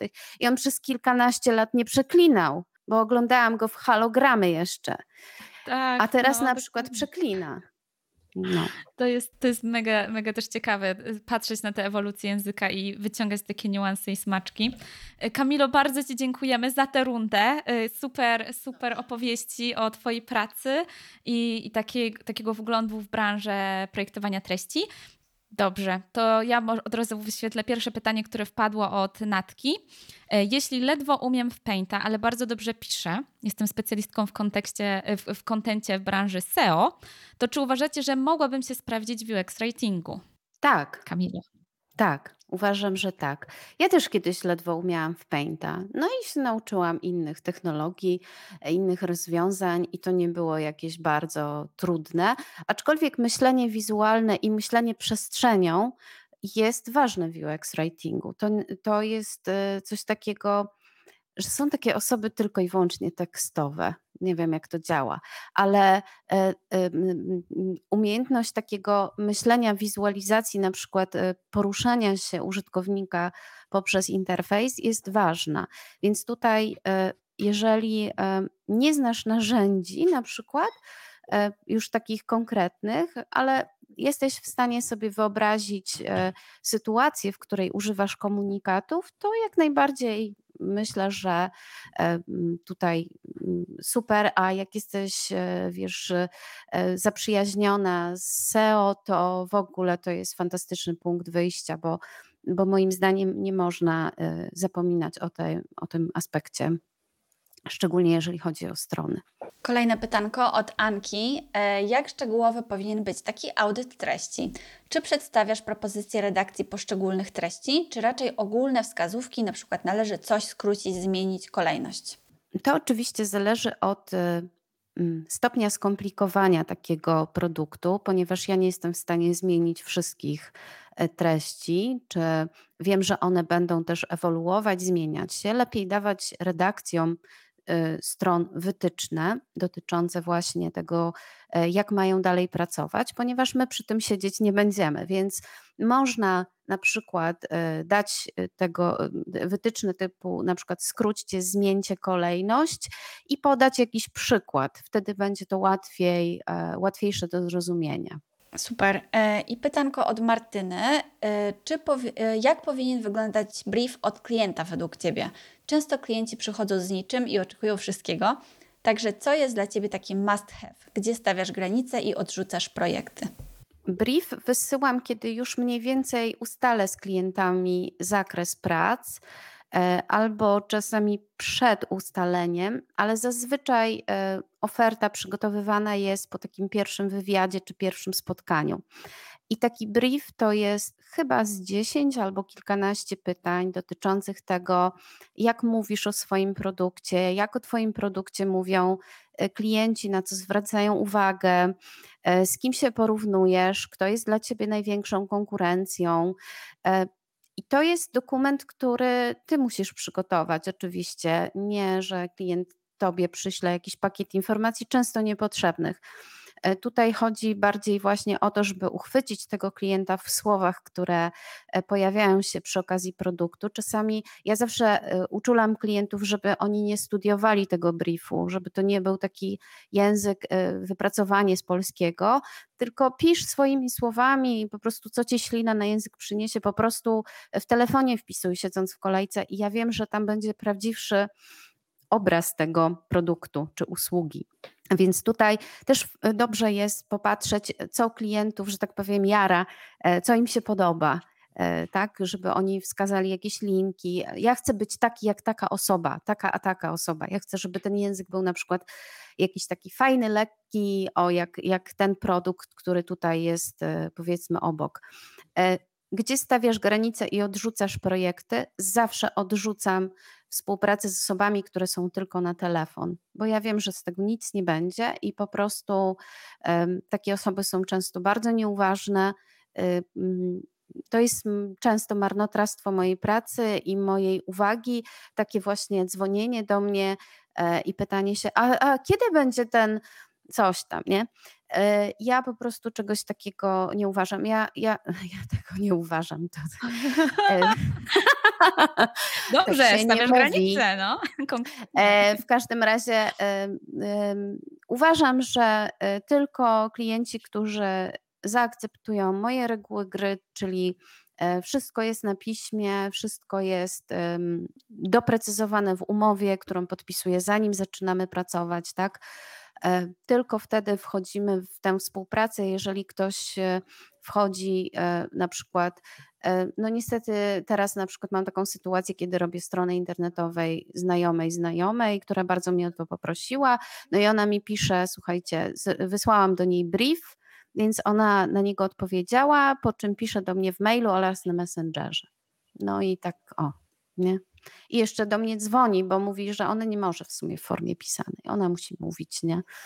E, ale to są przypadki takie jednostkowe, bo większość osób, e, większość takich dużych firm, gdzie ludzie pracują, e, ja też w wakacje robiłam taką stronę właśnie, gdzie pracowałam z dziewczyną od marketingu i UX designerem nad stroną no to oni natychmiast fantastycznie weszli w moje narzędzia, w pracę w Miro, w tłumaczenia. Jeszcze był e, tłumacz na język niemiecki, e, który te treści tłumaczył, więc, e, więc mm, mm, każdy jest bardzo, bardzo myślę otwarty, kto tak odpowiedzialnie podchodzi do swojego produktu i kto nie jest takim amatorem też stron internetowych na przykład, nie? Takim, że mhm no, że, że wcześniej to wydawał ulotki, a teraz wyda stronę. To jest bardzo trudna wtedy współpraca, bo wtedy trudno tej osobie, mm, tą osobę przypilnować też, nie?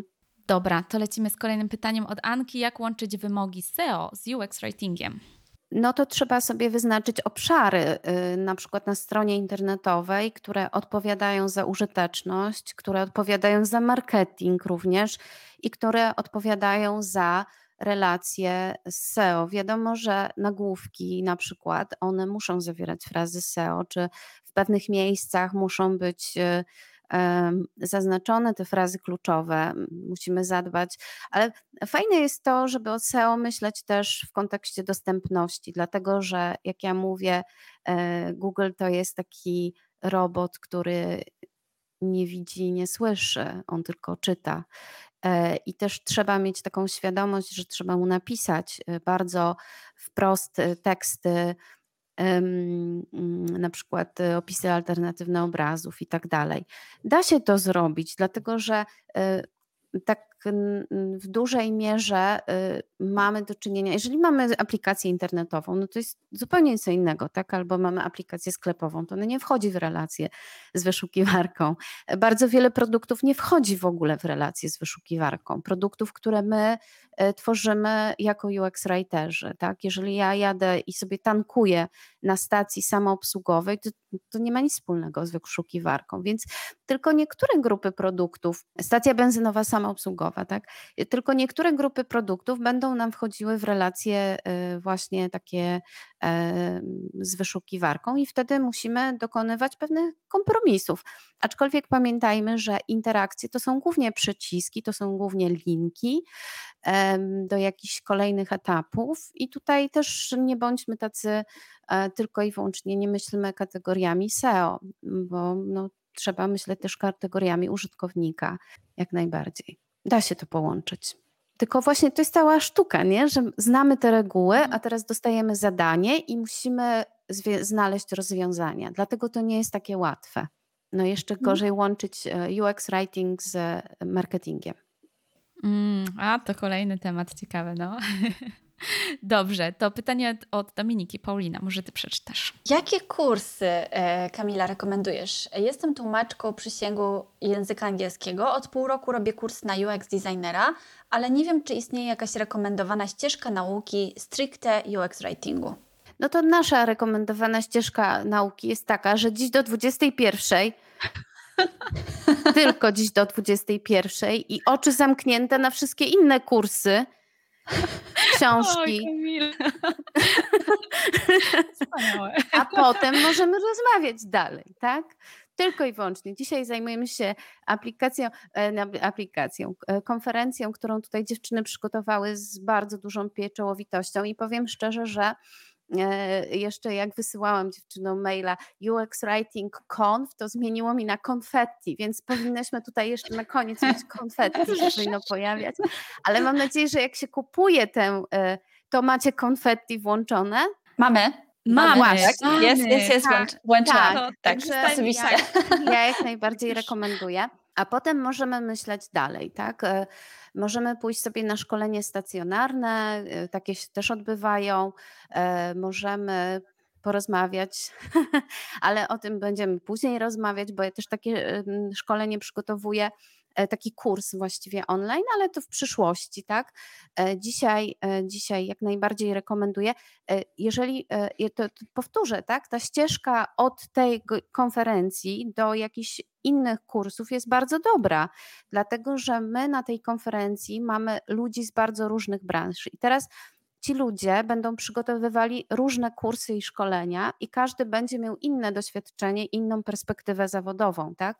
Także my możemy sobie wybrać, jeżeli pójdziecie na przykład na szkolenie z Kaliną Tyrkiel, bo ona takie robi, to y, dowiecie się innych rzeczy niż dowiecie się ode mnie na przykład, albo innych rzeczy, inne rzeczy powie wam Wojtek Aleksander. E, Znaczy w pewnym sensie globalnym to będzie to samo. Aczkolwiek e, ta nasza perspektywa zawodowa, no na pewno jest różna, tak? Albo jeżeli jesteś tłumaczką przysięgłą języka angielskiego i znasz bardzo dobrze angielski, to możesz startować na te kursy międzynarodowe. Tak, to wspom- pom- wspomniałaś też już Kamila, nie? UX Writing Hub też, też ma, także super, super. e, jedziemy dalej w takim razie. O, może od Natki. Najlepsze książki z UX Ratingu, które Dobrze, polecacie. przygotowałam się, bo nazwiska autorek są nie takie łatwe. E, Kineret Ifra to jest taka niebieska książeczka, zresztą bardzo ładnie wydana, Microcopy The, The Complete Guide, czyli kompletny przewodnik. e, On nawet jest aktualizowany i co jakiś czas wychodzą kolejne edycje. E, I to jest bardzo, bardzo dobrze skonstruowana książka właśnie z różnego rodzaju przykładami, obszarami, za które odpowiada UX Writing. To jest książka w języku angielskim, taki powiedziałabym światowy bestseller i, i coś, co jest em, absolutnie do przeczytania. Tori Podmajerski, tak się mówi, chociaż my byśmy przeczytali Podmajerski, e, Strategic, Strategic Writing for UX. I to jest książka przepięknie skonstruowana, świetnie napisana. Jeżeli mia- miałabyś się decydować e, pomiędzy tą pierwszą a tą drugą, to ta druga jest lepsza. E, I to jest taki absolutny punkt wyjścia do właśnie rozumienia projektowania treści. E, Ale też są takie książki bardziej inspiracyjne, bo tamte posiadają bardzo dużo przykładów, właśnie różnego rodzaju screenów. Bardzo cenię te książki za to, że one nie tylko robią to, co w Polsce się robi, że albo istnieje jakiś taki sztywny, sztywna formuła pisania, albo taka, wiecie, na luzie, ale tam pokazuje się też ten środek, taki bardzo elegancki język, jak na przykład robić taką komunikację, taką oficjalną, ale też czytelną, nie? że tam e, są, są różne formy. E, No i na przykład e, Sarah Winters napisała taki, taką ciekawą, małą książeczkę Content Design. To jest taka książka, która otwiera głowę w jakiś sposób i pozwala nam tak spojrzeć na, na projektowanie treści jako na, na pewną sztukę patrzenia całościowego na produkt, na komunikację. Tych książek jest bardzo wiele. Można je sobie znaleźć na Amazonie. Jeżeli chodzi o polskie książki, to ich jest niewiele. I e, one chyba nie mają też takich badań. Jest taka książka pod tytułem Projektowanie treści, ale nie wiem, nie znam tej książki, tak w sensie nie czytałam jej. E, Nie wiem, czy te książki też nie powtarzają pewnych rzeczy y, z tych książek zagranicznych, a niekoniecznie na przykład opierają się o badania dotyczące właśnie. Na pewno nie polecam żadnych książek o copywritingu, neurocopywritingu, psychowritingu czy psychowritingu, czy takich manipulacyjnych książek, czy takich, wiecie, no jak pisać, żeby sprzedawać. To są książki, które mają takie bardzo ogólne na przykład wskazania, ale one nic nie mówią na przykład o strategii treści. Nie? To jest takie, takie coś, że bierzesz tą książkę i masz ją, e, masz te wskazania sobie przy, e, przyrównać do każdego produktu. Tymczasem każdy produkt jest inny. Inaczej się sprzedaje konferencje, inaczej się sprzedaje, nie wiem, gumki do włosów, tak?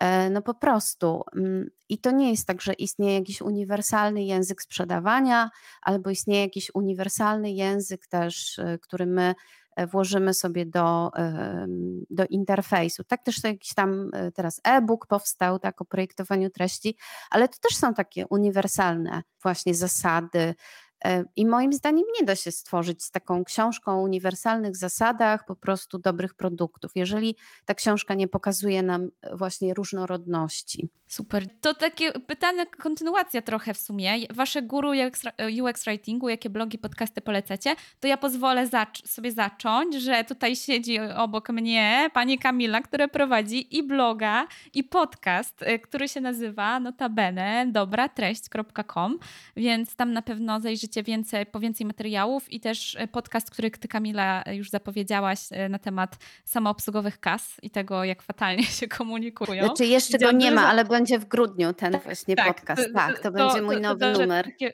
już publiczne zobowiązanie padło, więc Kamila, co by się nie działo, musisz go wyprodukować, bo też dużo zainteresowanie padło w komentarzach e, tym podcastem, tym odcinkiem. To jakbyś Kamila mogła e, opowiedzieć e, z Twojej perspektywy, e, czy, czy Ty śledzisz jakieś osoby, e, kogoś polecasz, albo jakieś materiały poza książkami?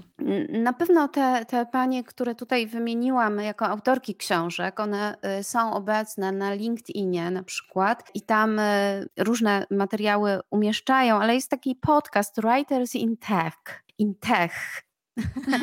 E, byśmy powiedzieli. E, I on jest bardzo fajny. To prowadzi taki właśnie chłopak, który też y, właśnie zajmuje się tą społecznością. I tutaj zapraszam Was też do czytania tego UX Writing Hub, e, bo tam jest dużo, dużo artykułów e, też dotyczących UX Writingu. Jak widzicie, jak widzicie, to wszystko dzieje się w języku angielskim przede wszystkim, ale śledźcie właśnie e, te wymienione osoby, jak Kalina Tyrkiel, jak Paweł Chłodnicki. Gdzieś nawiążcie z nimi kontakt na LinkedInie. E, e, Paulina Lipka fajne rzeczy robi też, ona jest UX writerką e, i trochę rzeczy umieszcza też na swoich profilach społecznościowych. Także Tomasz Piekot, to totalnie powinniście znać tę osobę, ponieważ Tomasz Piekot jest taką osobą odpowiadającą za prosty język w Polsce, takim ambasadorem prostego języka jest e, e, i pracownia prostej polszczyzny we Wrocławiu. I Tomasz Piekot też jest e, współautorem takiego narzędzia, które nazywa się Logios do badania języka, prostoty języka, więc Tomasz Piekot na, na swoim LinkedInie też wywołuje wiele bardzo fajnych dyskusji, takich żywych na temat użycia pewnych fraz e, w języku. Więc myślę, że te osoby, które gdzieś e, mm, są wrażliwe na język. No Tomasz Piekot jest w ogóle chyba profesorem nawet na Uniwersytecie Wrocławskim. Jego spojrzenie jest takie bardzo już głębokie i bogate. Ja uważam, że, że tutaj to jest taka osoba naprawdę profesjonalnie podchodząca. I on też się wywodzi e, po prostu z literaturoznawstwa, bo, bo on uczył też e, moich znajomych na przykład na Uniwersytecie tutaj, jeżeli chodzi o literaturę rzeczy. Także mm, to takie osoby polecam. Ekstra. To ja proponuję e, ostatnie pytanie e, od Oli Kulińskiej. Ola, pozdrawiamy. Napisała, że super rozmowa, więc przekazuję tutaj też na, na forum. Ola pyta, widzę Lema w tle, więc zastanawiam, e, więc zadam pytanie o przyszłość. Co sądzisz o dukaizmach i czy miałaś już okazję tworzyć dla swoich klientów treści w języku neutralnym płciowo? Ja tylko dodam, że ja nie znałam e, sformułowania dukaizmu i szybko sobie wygooglałam. Y, jest tym twórcą tego, tego określenia jest Jacek Dukaj, e, i chodzi o właśnie tworzenie zwrotów neutralnych płciowo tak? Dla osób niebinarnych nie, na przykład. E, także Kamila, czy Cię ten temat e, gdzieś e, dotyka, czy, czy go gdzieś tam eksplorujesz? Opowiedz nam o tym. Mm, powiem Wam, że nie ma takiego zainteresowania, jeżeli chodzi o klientów na przykład. Ja jestem jeszcze w epoce kamienia łupanego, czyli w ogóle mówię mediatorce sądowej, żeby mówiła na siebie mediatorka. A ona mówi, nie słyszałam takiego słowa mediatorka. E, tak było. Czyli chodzi o feminatywy, prawda? Czy, Bo chodzi o feminatywy tak. na przykład, albo zwracanie się do e, osób e, podwójnie, tak? Czy widziałaś, widziałeś? Tak jak tutaj rozmawiałyśmy dzisiaj, prawda? Mówiłyśmy o ekspertach i ekspertkach. Tak, żeby nie pominąć pewnej e, grupy osób, e, nie mówiłyśmy o ekspertkoch, na przykład bez e, w ogóle, e, prawda? Czyli jeszcze trzeciej formy. Wydaje mi się, że to jest jeszcze bardzo też obce w języku polskim, że my w takich e, bardziej zamkniętych społecznościach jesteśmy w stanie pewne rzeczy i, język polski ma taką zdolność, co ciekawe, właśnie do tego rodzaju nijakiego. To też Tomasz Piekot fajnie o tym pisał gdzieś tam na swoim LinkedInie. Ja myślę, że trzeba cierpliwie poczekać na rozwój języka. E, że dopóki jednak e, pewne formy nie funkcjonują w języku jako norma, a są w uzusie, to e, my powinniśmy być dość ostrożni, prawda, w, w, stosunku do tego. Ale słuchajcie, język bardzo ewoluuje. Pamiętam, jak jakieś 10 lat temu, zresztą to jest udokumentowane w książce, napisałam do pani profesor Ewy Kołodziejek, która teraz jest w Radzie Języka Polskiego, jak ja powinnam się nazywać, mój zawód, bo ja byłam kierowniczką literacką w teatrze e, i ja wszędzie się podpisałam kierownik literacki, tak? E, I pani profesor napisała, no oficjalnie powinien być kierownik literacki, ponieważ e, tak samo pani dyrektor, no to dyrektor artystyczny, tak? Jeżeli piszecie panie jakieś tam pismo czy coś, to, to męskie formy, nie?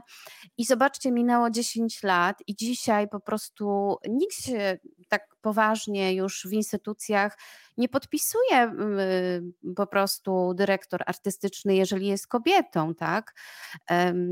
Wręcz jest to taki rodzaj manifestu, ale też jakieś normy, jest mi łatwo mówić. Jestem, byłam kierowniczką literacką. Kiedyś to mi przez usta nie przychodziło. Było to dla mnie dziwne e, i e, język ewoluuje. Także mm, zaczekajmy chwilę i zobaczmy, jak będzie funkcjonował świat za kilka lat, kiedy rzeczywiście jakby niebinarność stanie się także taką normą dla rozumienia po prostu tożsamości płciowej, psychoseksualnej, tak? gdzie, gdzie my pewne rzeczy będziemy akceptować tak normalnie, bo są po prostu, a nie dziwić się im i dziwić się językowi, który, y, który jest. Także język zawsze idzie za kulturą e, która staje się wspólna dla nas wszystkich, więc będziemy to obserwować będziemy tworzyć takie treści, które E, po prostu pasują do komunikacji. Czasami mnie dziwią te formuły zapisu takie z jakimś X-em, z jakimś mm. podkreślnikiem. One są też, słuchajcie, no nieczytelne, jeżeli chodzi o dostępność. I tutaj jest ten problem, nie? że jak gdyby mamy 15% osób z niepełnosprawnościami, na przykład ze zwykłą dysleksją i oni mają problem, żeby przeczytać takie słowo, nie? Więc tutaj musimy też myśleć o wszystkich użytkownikach języka e, i znaleźć kompromis, żebyśmy się umieli porozumieć. Piękne zakończenie dzisiejszego spotkania. Kamilo, ogromnie Ci dziękujemy. E, padło bardzo dużo ciepłych słów. E, dzięki za super live, bardzo fajnie się pisało, e, słuchało, ale też bardzo dużo osób, Kamilo, doceniło to, w jaki sposób się wysławiasz, jak pięknie po polsku, jak zrozumiale. I myślę, że w dobie właśnie już wspomnianych wszystkich tych talk showów, YouTube'ów, gdzie ten język jest z jednej strony taki codzienny, więc nie możemy mu nic zarzucać, bo, bo to język jest dla nas, a nie my dla języka, ale z drugiej strony miło jest właśnie właśnie tak trochę wrócić do korzeni i tą polszczyznę od pani polonistki. Tak, tak. Znaczy ja już mam tyle lat, że jeszcze ten język we mnie jest, ale powiem taką anegdotę na koniec, że kiedyś właśnie spotkałam dziewczynę z Manchesteru, która przyjechała tutaj do Polski, a studiowała w Szczecinie i ona powiedziała do mnie, Jezu, w pewnym momencie szłyśmy, tak gadałyśmy sobie i ona mówi, ze łzami w oczach mówi: Boże, jak ty ładnie mówisz po polsku. U nas już nikt tak nie mówi. Czyli e, wiecie, no jest całe pokolenie moi równolatkowie, czterdziestolatkowie, to są ludzie, którzy w dużej mierze wyjechali z Polski, nie? I oni gdzieś ten język zagubili. Oni już są na pograniczu angielskiego, polskiego, to jest już miks. I myślę, że też ludzie pracujący w korporacjach, gdzie ten język angielski tak mocno wchodzi po prostu w komunikację, no mm, już tylko, mm, już gdzieś mm, tą barwę, to piękno wyeliminowali, ale to jest też zrozumiałe. Także pielęgnujmy język polski e, i, i pozwalaj, pozwalajmy mu emanować też w tym świecie cyfrowym, bo tam może być to naprawdę bardzo skuteczne. Super, piękne, piękne zakończenie. Kamilo, bardzo Ci dziękujemy i trzymajcie się dobrego wtorku. Dzięki, Dobrego pa. wtorku. Bardzo dziękujemy Ci za wysłuchanie tego odcinka. Notatki i linki do niego znajdziesz na naszej stronie designpractice.pl ukośnik 020. Jeśli podoba Ci się nasz podcast, koniecznie zasubskrybuj go w swojej platformie podcastowej albo na YouTubie. Będziemy też bardzo wdzięczni za feedback w postaci komentarza. A na nowe odcinki możesz liczyć w każdy pierwszy i piętnasty dzień miesiąca. Pamiętaj też o zapisaniu się do newslettera, żeby nie przegapić żadnego nowego odcinka. Wejdź na designpractice.pl. Do usłyszenia za dwa tygodnie.